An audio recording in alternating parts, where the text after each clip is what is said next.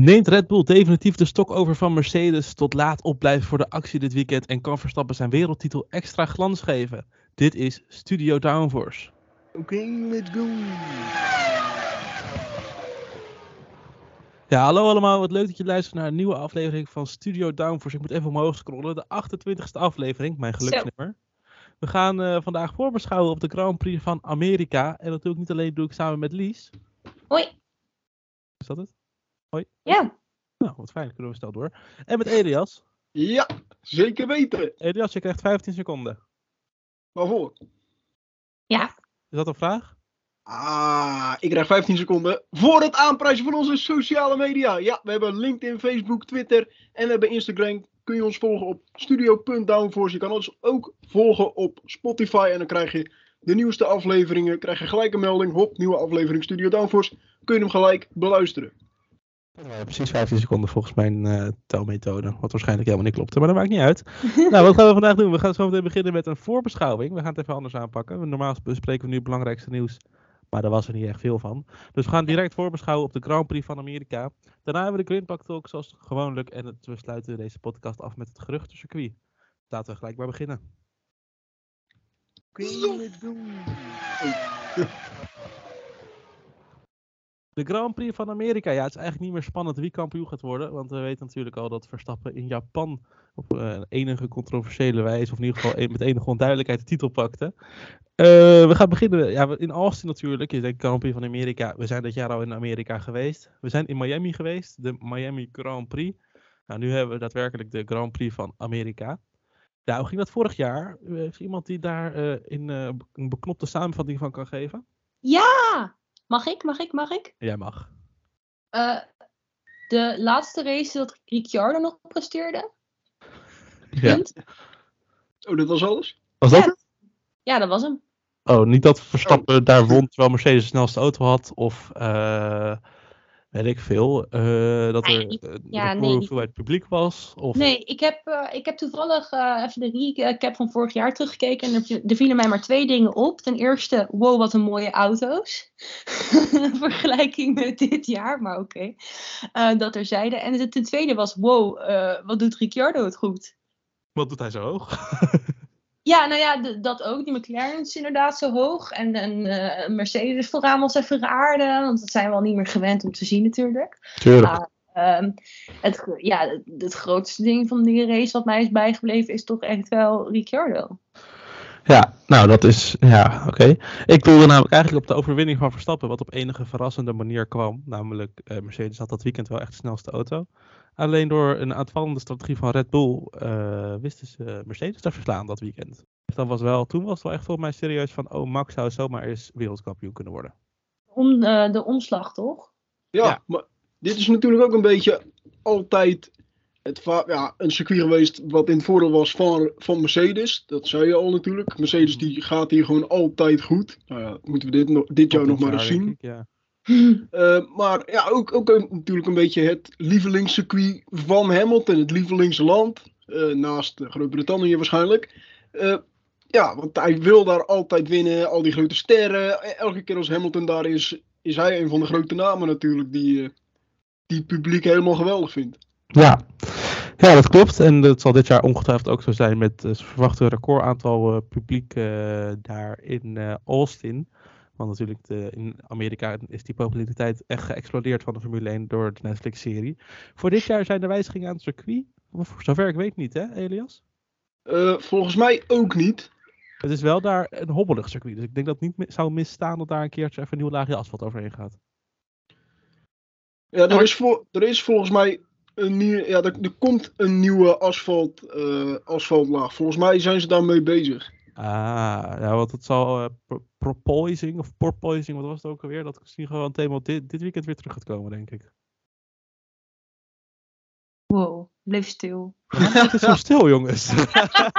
Ik zit er even over na te denken. Want je zou toch zeggen, die baan sinds 2012 rijden we daarop. Heb je zou dat denken- vorig jaar gezien? Lies heeft, die, Lies, heeft, Lies heeft een recap gezien. Ze waren ze aan het stuiteren, vorig jaar. Eh, ja. Moet je nagaan, die auto's lagen vorig jaar als een soort eh, achtbaan op rails gewoon. Ja, ik kan me Ja. ook nog wel herinneren dat ze bij de MotoGP ook echt woedend waren dat het circuit in zo'n in zo'n slechte staat was. Het- Ja, voor mij heeft de FIA zelfs de, de technisch, technical directive die ze hebben voor het tegengaan van het opstuiten, hebben ze letterlijk veranderd. Omdat ze al voor, voorspellen dat er heel veel gestuiterd gaat worden dit weekend. Maar als, het een, als je er opnieuw gaat asfalteren, dan is het weer onwijs glad. En dat wil je ook niet hebben daar. Dan heb je weer geen grip. Ja. Ik denk dat dat beter is dan, eh, dan, dan de nekjes die eh, knakken door de, Ah, door de stuiter en zo. Of zoals Bram altijd zegt, naar de maan stuiteren. Ja. dat klopt, ja, ja, ja. Goed, dan eh, gaan we, normaal is dit een eh, soort toetje na het eten, maar we beginnen nu eigenlijk met het toetje als voorgerecht. Elias, je track review. Ja, en ik zal het deze keer eh, kort maar krachtig houden. Ja, Zegt hij het altijd. circuit. Wil nee, je- maar deze keer is het echt zo. Ja, de track review van Austin. Dat is het circuit eh, in de hoofdstad van Texas. Het circuit eh, heeft de naam Circuit of the Americas of afgekort COTA. Dat eh, wordt liefkozend gebruikt door de Formule 1-fans. COTA klinkt toch wat, eh, klink- klink- klinkt toch wat lekkerder dan Circuit of the Americas. Alhoewel, het klinkt allebei lekker. Dus kies zelf wat je wil, maar Austin vind ik helemaal makkelijk. Dan, het is vlak bij een internationaal vliegveld van de stad. En het circuit is ontworpen door Herman Tielke. Het circuit heeft 20 bochten en is 5,5 kilometer lang. Het is geopend in 2012 en de winnaar van de eerste Grand Prix van eh, Austin, dat was Lewis Hamilton in 2012. En hij heeft daarna ook nog in 2014, 15, 16 en 17 gewonnen. Dus hij heeft v- vier jaar op rij gewonnen. Eh, tussendoor was het Vettel in 2013 die won voor Red Bull. En sinds 2017 heeft Hamilton hier niet meer gewonnen. Räikkönen in 2018 voor Ferrari. In 2019 was het Bottas eh, voor Mercedes. Eh, en in 2021 dus Verstappen. Die won. Eh, in 2020 hebben we niet gereden door corona. En verder was dit dit zo'n beetje. Nou, top. Ehm, dan, eh, ja, dus je zei het al een beetje teruggekeerd in Texas. 2020 zijn we nu geweest, vorig jaar wel, en was toen ook heel populair.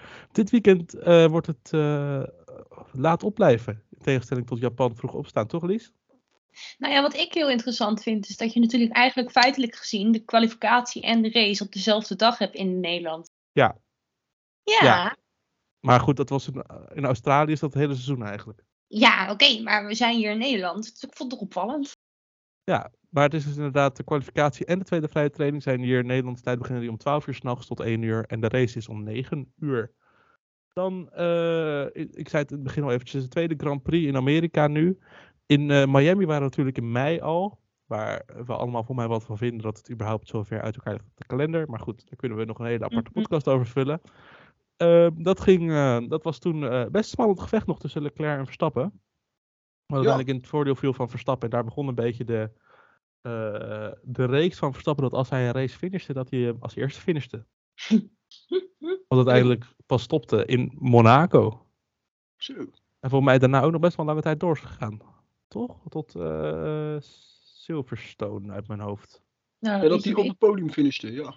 Ja, dat hij dus eh, in Monaco finishte toen niet op, het, eh, op de, of wel op het podium in ieder geval. Ja, maar de Silverstone niet. Ja, maar dat er in elke race die hij finishte tot en met eh Silverstone inderdaad, als die, die finishte, vond hij hem. Ja, blijft bizar. Ja, dus dat was wel eh, het begin van de dominantie die we nu zien in ieder geval. Ja. Ehm, en dan eh, zag ik, toen ik het draaiboek opende, vijf rookies. En toen dacht ik, ik ga nu mijn research even goed doen. Want het blijken vier rookies en een coureur te zijn die al twee seizoenen Formule 1 achter de rug heeft. Ja, eigenlijk, ik, ik, ik, ik vind Palo, Palo bijvoorbeeld, kan je ook niet echt een rookie noemen. Ja, het is wel een rookie in de Formule 1, maar om zo'n man dan weer een rookie te noemen, vind ik Ja. ook niet zo sneu. Want eh, Robert Schwarzman, die gaat bij Ferrari testen. Zou je denken, Schwarzman, dat klinkt best Russisch. Maar nee hoor, het is een Israëliër. Officieel was het, het is heel lang een Rus geweest. Maar ja, door de, wat er gebeurt momenteel in het Oh ja, heeft Europa. Zoiets- Ja, precies. En hij heeft een beetje het geluk dat hij half Israëlisch is. Dus daarom rij- rijdt hij onder de Israëlische vlag. Wat ook dan weer een heel re- record is. Want volgens mij is er nog nooit of één keer eerder een, iemand onder de vlag van Israël in, een- heeft in een Ferrari gezeten. Dan heb je Logan Sargent voor Williams. Nou, heel slim, want dat is gewoon een Amerikaan in Amerika. Ja. Dan, je zei het al, Lies, Alex Palou, de IndyCar kampioen van 2021. Die mag Ja. een, eh, de eerste vrije training gaan doen voor McLaren. Dan Theo Poucher, dat is eh, de runner-up waarschijnlijk dit seizoen in de Formule 2, mag voor Alfa Romeo eh, de eerste vrije training gaan doen. En is bovendien volgend jaar de reservecoureur van Alfa Romeo. Best leuk voor hem.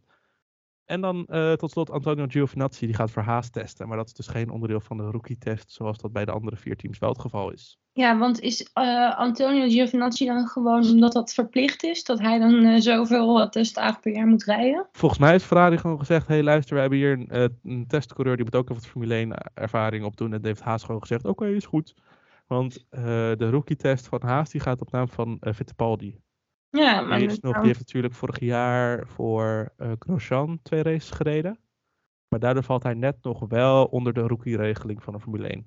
Oh, oh, oh, twee jaar geleden al. Hè. Oh, dat is twee jaar geleden al, inderdaad. Ja. Tijd vliegt. Tijd vliegt, eh, ja. Net als Dus- Grosjean in de muur toen. Zo, goed.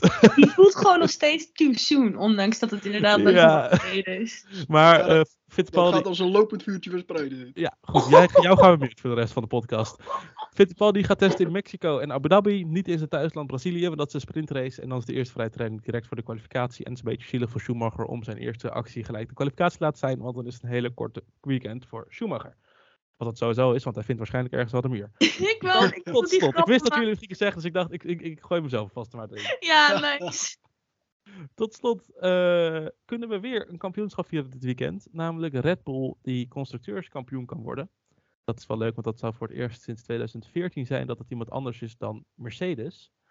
Ja, en dan heb ik eventjes op een rijtje gezet wat daarvoor moet gebeuren. Want bij Verstappen hadden we een hele rekensom dat als Verstappen eerste wordt, dan mag Leclerc derde worden. En dan moet Perez zesde worden. En dan moet de maan op die stand staan en de zon Ja. die moet dan net onder zijn of zoiets. Ik gok dat hier niet zoveel te rekenen valt. Nee, want de voorsprong van Red Bull is momenteel 165 punten. Na Austin zijn er nog 147 punten te winnen als constructeur. Dus dat is eigenlijk rekening houden met het ideale scenario waarbij je elke race 1-2 wordt, de snelste raceronde hebt en dus een 1-2 scoort in de sprintrace in Brazilië. Eh, om dus dat gat van 165 punten naar 147 punten te krijgen om eh, technisch gezien nog kans te maken, moet Ferrari meer dan 19 punten scoren om het kampioenschap dan in ieder geval uit te stellen tot Mexico. Dat houdt in dat eigenlijk als Verstappen of Perez wint in Austin, is het sowieso klaar. Want als Red Bull wint, dan kan Ferrari met de tweede, derde plek en snelste raceronde maximaal 9 punten inlopen. Dus Nou, en moeten er mocht, 19. Hm? Dus moeten er dus 19 in. moet meer dan 19 punten hebben. En mocht nou Ferrari inderdaad die 1-2 scoren met de snelste raceronde, dan kan Red Bull gewoon alsnog kampioen worden, want dan moeten ze op de derde en vierde plek eindigen. Ik kan het heel moeilijk houden, maar eigenlijk is het nog heel makkelijker gezegd. Red Bull moet gewoon voor Ferrari eindigen. Maakt niet uit of dat voor de eerste plek, voor de achtste plek is. Verstappen moet voor Leclerc, Perez moet voor Sainz en dan zijn we een kampioen Dan in Austin. Nice. Nou, dat is eigenlijk heel kort en beknopt eh, hoe eh, dat zit. Dus eigenlijk hoeven we geen rekenmachine bij te pakken, gewoon kijken. Staat Red Bull voor Ferrari? Ja, mooi, dan zijn we kampioen. Nou ja, dan is Red Bull kampioen, hè? Dan is Red Bull kampioen. Wij zijn een objectieve podcast, vooral Lies, heel objectief. Goed, we gaan alle objectiviteit nu het raam uitgooien, want we gaan naar de Grindbak Talks.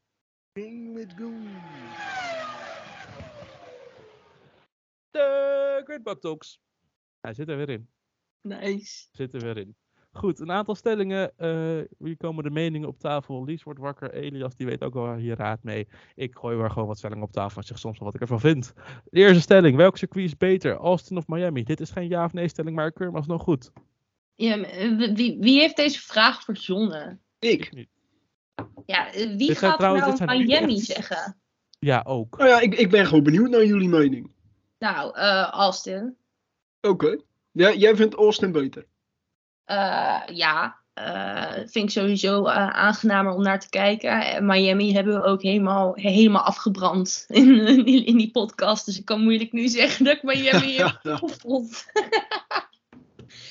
dus eh, nee. Wat, wat wordt er nou allemaal aangepast eh, in het draaiboek? Nou, het vraag, het het- de vraag die er was, was geen stelling die zo meteen kwam. Prima, prima. Maar eh, even, ik, ben- ik ben het met je eens. Austin vind ik qua atmosfeer ook. Kijk, Mi- Miami is natuurlijk ook wel een mooie stad, dus mooie omgeving. Maar Austin, Mooie Texas, parkeerplaats. ja, Austin, Texas, dat lijkt me toch. dat voelt gewoon eh, wat vriendelijker, wat warmer, Ja. als het ware. De atmosfeer daar is, is wat meer vriendelijker dan Miami, wat een beetje. Het, het is natuurlijk een stratencircuit. eh ja, wat een beetje dicht op elkaar zit als het ware. Ja, het was VIPs only, hè. Dus Ja, eh, daar kon je alleen maar ik naartoe als je de 3000 euro neertikte. Jo- Jori? Wat? Jori? Nee, Bram. Gele kaart. Goed, de volgende sticker trouwens ook Austin. Nou, nee, ik, ik wil nog even, eh, nog, naast Austin, Miami. Je hebt natuurlijk volgend jaar Las Vegas. Eh, maar daar ja, kunnen we nog niet echt beoordelen. Nee, Maar- dat, is, dat is eerst zien dan geloven. Precies. Maar een ander circuit waar we wel hebben gereden is Indianapolis. Wat zouden jullie daar vinden als je die zou kunnen ruilen voor Miami bijvoorbeeld? Zou je dat doen? Nee. Nee? Eh, ik zou het wel doen. Nee. Ik dus ook. Eh, ehm, hmm, nee. Het is, tuurlijk, we hebben met Zandvoort hebben we een stukje oval gehad. En we zouden nu weer op een oval gaan racen met de Formule 1. Een soort ja, Nee. gedeelte oval. Maar ja, maar weet het niet. wel vet om daar weer te gaan rijden. De Indy GP, dus dat is dus de IndyCar op het eh roadcircuit rijdt. Ja. Ik heb dat wel eens gekeken en ik vind dat, ja, hmm, Vind je dat niks? nee, ik vind dan de ovals leuker om naar te kijken. Oh nee, dat vind ik, ik vind uh, road circuits vind ik ook ah, heerlijk. Nee, maar ik denk een beetje in Amerika, if they would, they- dan doen ze het wel. If they could, they would. Ja, Oh, helemaal met zo'n Indianapolis. Als ze dat echt willen, dan krijgen ze dat wel doorheen. Er wordt een heel circuit gebouwd in Las Vegas. Om, eh, we gaan over de meest legendarische straat in Las Vegas rijden, waar elke, elke dag een miljoen mensen overheen gaan. Dan weet ik het wat. Dat kunnen we een weekend stilleggen voor de Formule 1. Dan kunnen we ook, als, dat, als ze dat echt heel graag willen, in Indy rijden. Ja, dan vind ik dat de volgende keer dat we over, over de Champs-Élysées moeten rijden en de PC Hoofdstraat. Precies. Eens. Voorstel dat er een haas gewoon vol de Louis Vuitton winkel in rijdt daar. Ja, Op de Bijenkorf. dat was natuurlijk crash. top. Goed, de volgende stelling. Wat is trouwens ooit gebeurd met dat Formule 1 circuit in eh, Eindhoven? Dat is nou een hele andere podcast. Formule sorry. E? Formule, ja, Formule I. Ja, Formule, Formule I, maar goed, dat is wel een straatcircuit in Nederland. Volgende stelling, Sargent verdient het Williams-stoeltje. Nog niet. Oneens. Eh, oneens. Anderzijds moet ik wel zeggen, hij heeft het beter gedaan dan mensen denken. Of- Want- Kan het heel slechter dan Latifi? Ja, dat is één. Maar twee, eh, het jaar dat Piastri Formule 3 kampioen werd, toen eh, kwamen Pourchaire en Sargent kwamen nog heel dichtbij. En Sargent, die werd geen Formule 3 kampioen, omdat hij toen eh, volgens mij in, in het begin van de race al gelijk eraf werd getikt door een ander. Dus anders Ja. was hij misschien wel Formule Klopt. 3 kampioen geworden. En was het misschien wel heel anders gelopen met Piastri. En was hij misschien wel al in de Formule 1 gekomen, Sargent. Ja. Hij is zelfs zodat hij eh, de leiding had in het kampioenschap. Alleen hij, in de laatste twee rondes van de serie won hij, eh, pakte hij maar acht punten. En Piastri, had ook, Piastri scoorde ook heel weinig die laatste race. Maar had dan weer net geluk dat Sargent al uit was gevallen. En Ja. Kwam toen nog maar net tekort. Maar ik denk dat Williams nu... Kijk, Al- Albon is een prima coureur. Maar ik moet het nog maar even zien of hij echt die auto door kan ontwikkelen. Mhm. Dus Ja, en dus natuurlijk... dat, dat geval zou ik kiezen voor een meer ervaren coureur. Zelfs Zeker, hoewel- zou ik dan boven hem zetten. Ik denk dat ehm, Williams wel het risico kan nemen met een ervaren coureur zoals Albon nu. Ja, Ja, wat, heeft- wat met zijn nou te verliezen ook, weet je En moet je moet je bese- ik, ik zit trouwens even te lezen. Hij is een jaar geleden nu, eh, op het, het weekend van de Grand, eh, Amerikaanse Grand Prix vorig jaar, dus een jaar geleden dit echt, is pas bekendgemaakt dat hij de Academy ingaat van Williams. Oh ja. Als je hem toen had verteld dat hij een jaar later gewoon de topkandidaat nice, voor ja. een F1-stoeltje, ja, dat Ja. is wel vet. Maar ik hoorde dus dat Ja. Sargent eh, eerst eh, in, in onderhandeling was met, eh, met een ander team bij IndyCar of Formule I, volgens mij bij IndyCar. Ja, terecht. Maar dat hij toen de onderhandelingen volgens mij in ieder geval heeft, ni- niet stopgezet, maar in ieder geval dat daarna Williams ook nog is gekomen. Ja, maar dat vind, ik- vind ik ook heel logisch hoor. Want als Ja, je nu ook ziet. Ik zat vandaag de IndyCar dingen door te lezen. En de rookie van, hier, van eh, of the year van dit jaar, dus de beste rookie, is toch? een oude bekende in de Formule 2, inderdaad Christian Lundgaard. Ja. En die heeft eigenlijk hetzelfde pad begaan als eh Sargent. Formule 3, Eh. Formule 2. Zat nog in het Alpine Academy. En eh trouwens. Callum Islet. eh. Callum Islet. Je hebt ook nog Dan Ticktum, die is dan Formule E opgegaan. ja, maar dat was omdat niemand, iedereen was hem zat. Zeker, maar ik bedoel het wel. ehm Christian Lundgaard staat nu in een rijtje met Andretti, Ja, nee, dat is waar. VK, Dat is waar maar ik bedoel, de Rosenquist, Alexander Rossi. Wel, wel echt een beetje een zeikert. Ja, in dat opzicht heb je de afgelopen jaren wel gezien van, oké, er zijn, eh, kijk, Formule 1, er zijn maar 20 plekjes eh, voor, voor eh, elk jaar.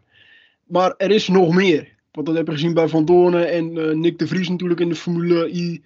En natuurlijk nog wel wat andere oudere eh, oud Formule 1 coureurs. Maar dat, de jongere generatie van de Formule 2 inderdaad, die ziet nu ook van, oké, weet je, als ik Formule 1 niet haal, ik kan ook naar de, nog naar de IndyCar of naar de Formule I.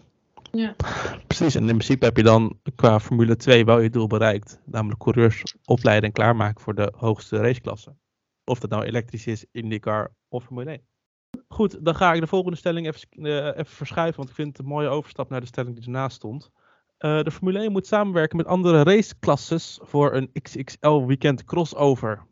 Dan, Eens. even, dan mogen jullie nu even zeggen, dan zal ik daarna even de context geven. Ik ben het hier Eens. oneens. ben het Super, ook mee eens. super eens. Ik ben het heel erg eens. De context is dat de baas van de Amerikaanse Grand Prix die wil een weekend met Formule 1, MotoGP en IndyCar.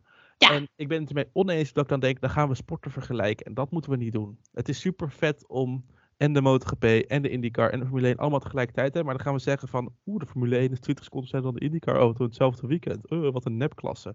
Terwijl het een hele ander soort raceklasse is. Dan gaan we zeggen, MotoGP is een minuut langzamer dan de Formule 1 in Austin. Ja, maar Ja, dan maar komt- dat, dat, dat doen we toch. Nu kijken we toch ook allemaal apart en doen we dat toch niet. Dus wordt wel, eh, zeker worden, ik denk dat er dan, dan leg je het echt op een presenteerplaatje van, oh, maar kijk hoeveel spectaculairder de Formule 1 is, omdat ze zoveel sneller gaan.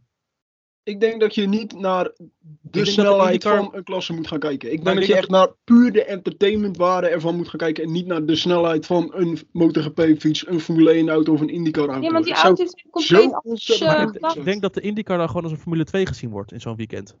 Nee, nee, nee, nee, nee. Want eh, volgens mij, als ik het goed Maar wat heb, wordt dan het main event, Nee, nee, nee. Volgens mij heeft de IndyCar een hogere eh, topsnelheid. Maar is de Formule 1 auto vanwege downforce sneller op een rondje. Maar wat wordt het main event? Wordt de Formule 1 main event, MotoGP of de IndyCar? Want we moeten natuurlijk wel ergens een opbouwen. Formule 1 wordt denk ik wel een main event, maar het was meer of Formule 1 en MotoGP of Formule 1 en IndyCar volgens mij. Dat je dan Maar Ja. wat nou als de de- Amerikanen zaterdag- IndyCar als main event willen? Ja, je- daarom. IndyCar is best wel groot daar. Hè? Dus het kan niet zomaar side event. Kijk, ik vind het een goed idee. Maar inderdaad, er zitten een paar haken en ogen aan. Ze zouden het dan eh, elke dag apart moeten doen, vind ik. Weet je wel, wel één weekend.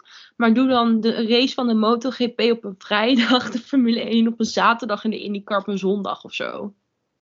Nou, ik zou het wel gruwelijk vet vinden. Ik snap het idee, maar het is gewoon. eh, wij Formule 1-fans zijn gewend dat er een weekend is met Formule 2, Formule 3, Porsche Supercup. En dan ga je nu MotoGP en IndyCar hebben. Ik heb heel snel dan denk- denken van, oh, dus dan zijn, als dan de Formule 1 als main event gezien wordt, dan zien zij dus dat de MotoGP en IndyCar dus een soort Formule 2 zijn in zo'n weekend. Mm, ja, En als je maar... de IndyCar denkt, we hebben de Indy Lights, dat is ook zo'n eh, supportklasse voor IndyCar. Wij willen de Formule 1 daar hebben, want IndyCar, dat, dat is waar het gebeurt. Dat is waar de mankracht, dat is waar de armkracht tevoorschijn komen. Ja. Nou ja, ik, snap, je ik snap jouw standpunt. Track limits bij verschillende raceklasses. Hm. Baanveiligheid bij verschillende raceklasses. Maar dit- Nou, als het, idee is, het idee is heel goed, maar als in, er zitten zoveel haken en ogen aan dat ik denk van, er moet heel goed over nagedacht worden, wil dit een serieus plan worden. Dat klopt, dat zeker. Maar het, li- het lijkt mij wel echt qua concept. Wat, wat er nu. ze- Er, er ligt nog niks op tafel, laat ik zo zeggen. Maar qua concept lijkt het mij wel echt een vet idee om uit te werken. Ja, dan even geweten, eh, bel me. Ge- gewetensvragen, waar waarschijnlijk Elias beter antwoord op weet dan ik. Hebben de MotoGP en Formule 1 andere soorten muren? Mm, Omdat de MotoGP coureurs op moet vangen en de Formule 1 auto's op moet vangen? ja, eh, volgens mij wel. Bandenstapels bedoel je dan? Ja. Eh, Zijn die met een MotoGP niet fluffier? Dat er eerst zeg maar nog zo'n soort luchtkussen voor zit? In, in ieder geval bochten waar de muur relatief dicht bij de coureur zit. Ja, Goed, volgens volgens mij gaat. Bram dit nu opzoeken, dus wij praten wel even door. Is goed. Ja, de volgende stelling. Hulkenberg verdient het haaststoeltje niet. Hmm. Lies brandlos. Nou, ik ga hier niks over zeggen, want ik ga het hier zo in het geruchtencircuit eh vertellen waarom ik moeite heb met deze stelling. Waarom heb je je moet moeite met deze hebben. stelling? Kom op. ik ben aan het zoeken. Oh. Ja, maar dan heb ik straks niks meer in het geruchtencircuit. En er waren weinig geruchten, dus daarom hou ik niet in mijn mond. Goed, Hulkenberg verdient het haaststoeltje niet. Hmm. Ik vind het wel... Ik vind het lastig, want hij heeft wel een staat van dienst opgebouwd in de Formule 1. Tuurlijk, hij heeft dat negatieve record van eh meeste races zonder op het podium te komen. En hij heeft ook wel zijn kansen gehad, dat klopt. In Brazilië 2012 heeft hij toen zijn kans gehad. Maar het, wa- het was gewoon ongelukkig hoe dat afliep voor hem.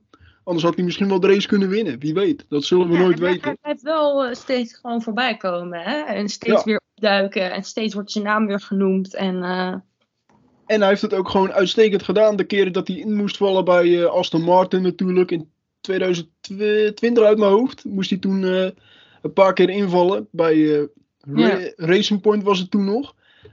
Toen heeft hij het in Silverstone heeft hij toen heel goed gedaan. Was hij gewoon derde in de kwalificatie. Echt bizar. Maar ook, ook gewoon dit jaar natuurlijk. Heeft hij het toen ook gewoon echt goed gedaan in die nieuwe auto's. Zonder al te veel training. Instappen in de eerste twee races. Ook nog Bahrein en Saoedi-Arabië. Niet de twee makkelijkste races van de kalender. Ook qua uithouding natuurlijk, omdat het daar warm is. Ja, ik, ik, ik snap wel dat zijn naam blijft terugkomen. Maar het, zijn wel, het blijft veel bij geruchten. Dus ja. eh, het zou mooi zijn voor Hulkenberg. De vraag is, wil hij het nu nog? Zo'n fulltime zitje. Eh, ik denk dat hij wel de ambitie heeft, maar heeft hij nog de, de, de ambitie heeft hij denk ik, de motivatie. Dat is de vraag natuurlijk. Als je zo lang uit de Formule 1 bent gestapt. eh, je zag bij Michael Schumacher, die was echt een aantal jaar weg. Die was in 2006 gestopt, kwam in 2010 terug. Nou, dat is dus gewoon 2007, 2008, 2009. Gewoon drie jaar weg geweest. Ja, Hulkenberg nu sinds 2019 uit mijn hoofd. 2000, ja, 2020, 2021, 2022. Dan is hij drie jaar weg geweest. Wel een paar keer Ingevallen. tussendoor, maar ja, ik, ik, ik, vind het lastig. Want aan de andere kant zijn landgenoot Mick Schumacher, die nu het haaststoeltje heeft natuurlijk, die presteert toch ondermaats met het materiaal wat hij heeft. En dat kun je ook terugzien aan zijn teamgenoot Kevin Magnussen. Dat is Ja. wel een gerespecteerde Formule 1 coureur, maar ook geen hoogvlie- hoogvlieger die bij de topteams wordt eh, eh, genoemd. Ik heb een antwoord. Vertel. Er wordt in de MotoGP eh, een barrière gebruikt, namelijk de airfence. Nu heb ik even een hele snelle research gedaan en ik denk als er Formule 1 auto in een airfence duikt, dan springt hij naar de andere kant van het circuit toe. Precies. Dit zijn twee verschillende. Dus ik denk dat de IndyCar en Formule 1 samen een optie zou zijn. Maar ja, dan moeten er afspraken gemaakt over welke serie eh, voorrang krijgt voor bepaalde tijdstippen. Natuurlijk om 9 uur 's avonds Amerikaanse tijd kijken, of 9 uur Nederlandse tijd kijken er meer mensen. En 2 uur Amerikaanse tijd kijken er meer of minder mensen dan een later of eerder tijdstip. Maar de MotoGP, dan, moet daar, dan moeten de barrières tijdens sessies veranderd worden. En dan moet weer gecontroleerd worden en gecheckt worden. Dus ik denk dat de MotoGP, dat we daar een kruis doorheen kunnen doen. Tenzij we op vrijdag de vrije training en kwalificatie hebben. Zaterdag een MotoGP dagje en dan zondag weer de Formule 1 hebben. Ja,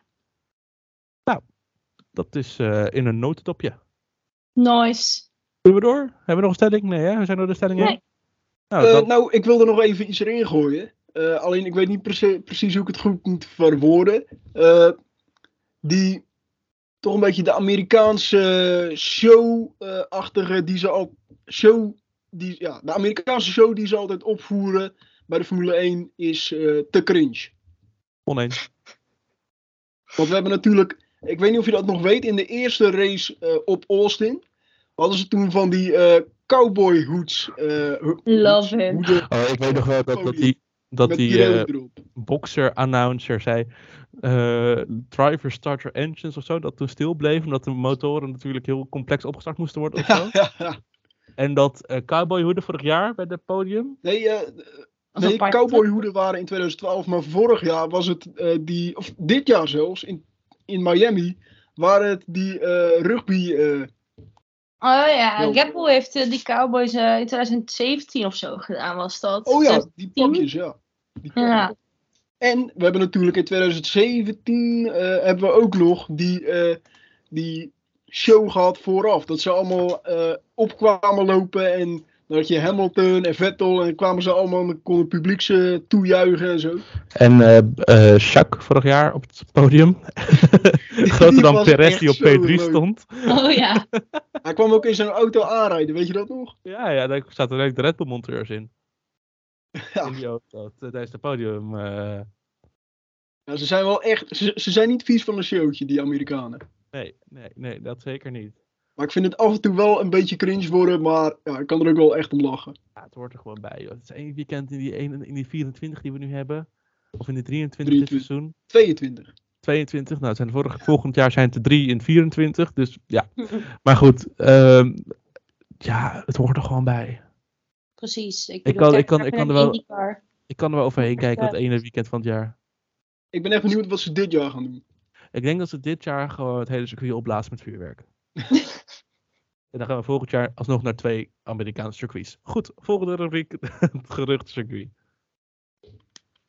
Oké, let's go. Ben je al Ja. zat, eh, Elias? Sorry? Wat? Ben je al zat, Elias? Wat zat? Jou, Eh, je stem in de jingle. Bram. Eh, ik doe net alsof dat me niks doet. Oh, nee, oké. Maar stiekem laat hij Dat, het dat, dat probeert Lies ook te doen met dit, deze audio. Ja, Echt, het wordt tijd dat we iets van Bram gaan vinden. Wat, Ja. eh, dus Merel, als je luistert en je hebt wat, stuur het. ja, stuur het even door. Want eh, wij, het wordt tijd dat wij, eh, wij ook eens mogen.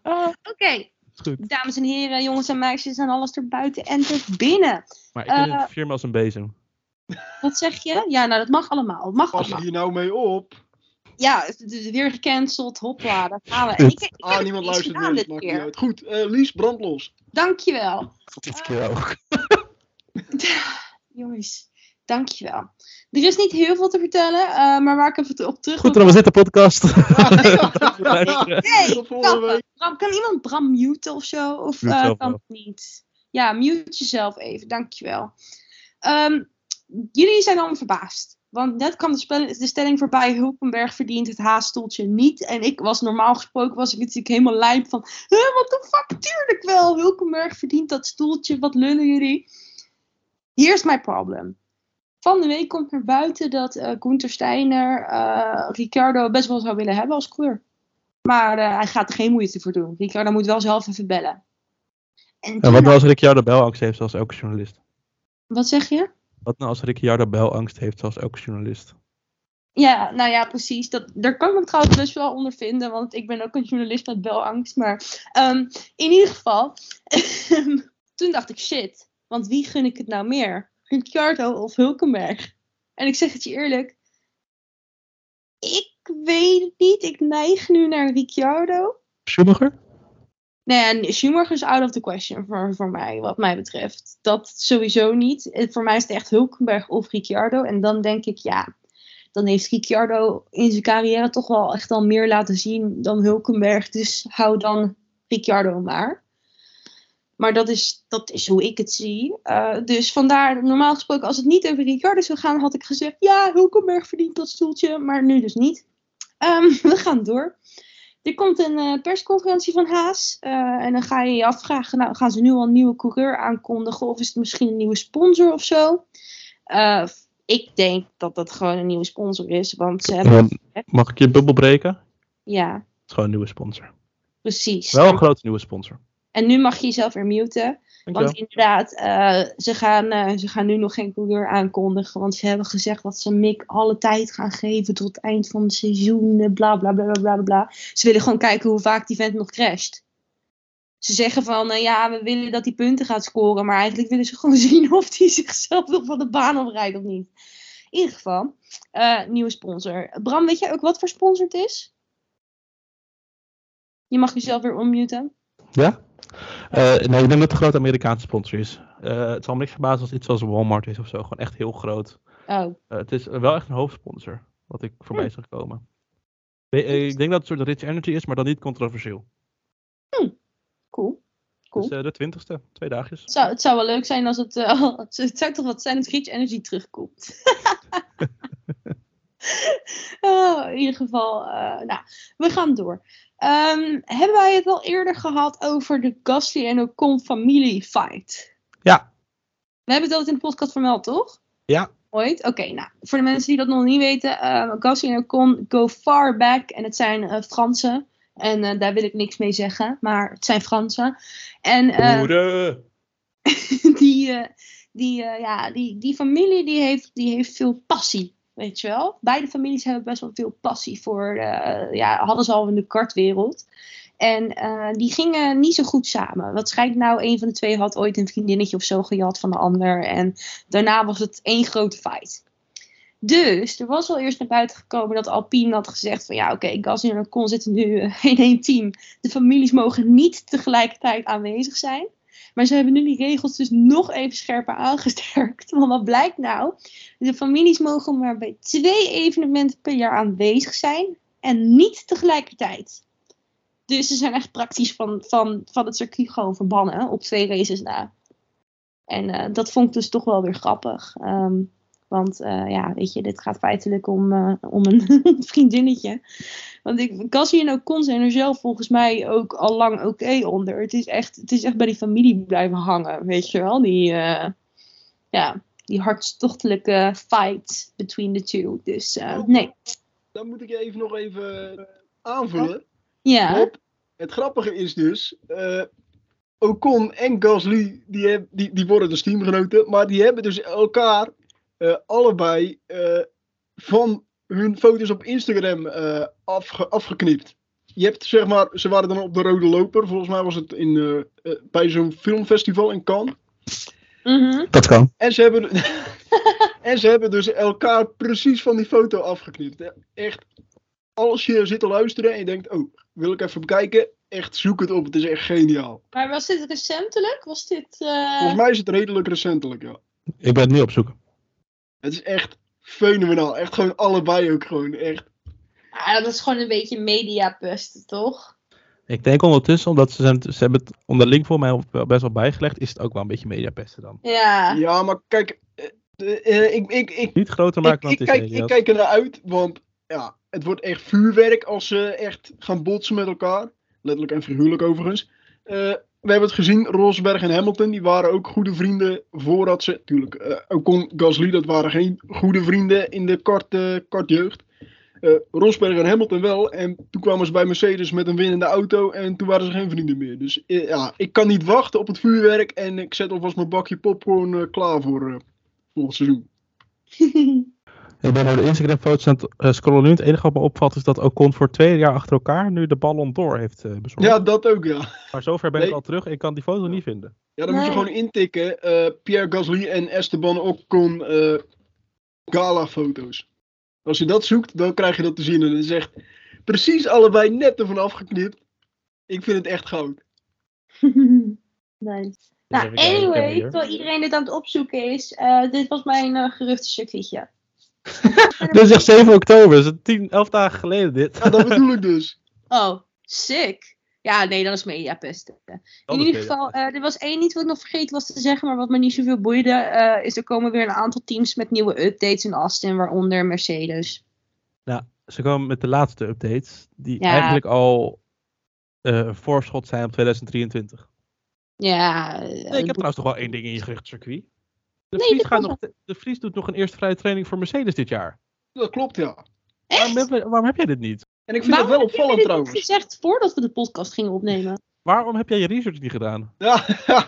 Omdat ik altijd leun op jullie research. Oh. Nou, Oh, goed dat je het herkent. Niet exposed. Ja, ik, kom hier gewoon voor Nee, de, ja, voor gezelligheid, weet je wel. Ehm, de Vries mag niet meer bij de technische meeting zijn sinds bekend is dat hij naar de Red Bull familie gaat. Maar nu heeft, Mercedes, nu heeft Mercedes gezegd, ja, maar wacht even, we hebben nog wel een rookie nodig dit jaar die voor ons kan testen bij de superlicentie. En we hebben eigenlijk alleen maar de Vries. Want ja, Van Doorn heeft gewoon al een fulltime seizoen Formule 1 achter de rug. Dus nu mag de Vries nog wel in Mexico testen. Krijgt er dus ook en verwacht ook dat hij echt wel waarde gaat hebben voor de ontwikkeling voor volgend jaar. maar mag hij dus niet meer bij de technische meeting zijn en zo. Maar zij dus niet bang dat hij gevoelige informatie meeneemt. Maar ja, ik denk, je vraagt erom dat hij nu... Wat, wat trouwens stond in de quote van de eh, sportief directeur van Mercedes, die zei... Hij moet gewoon niet gaan kijken naar de dingen waar hij niet naar mag kijken.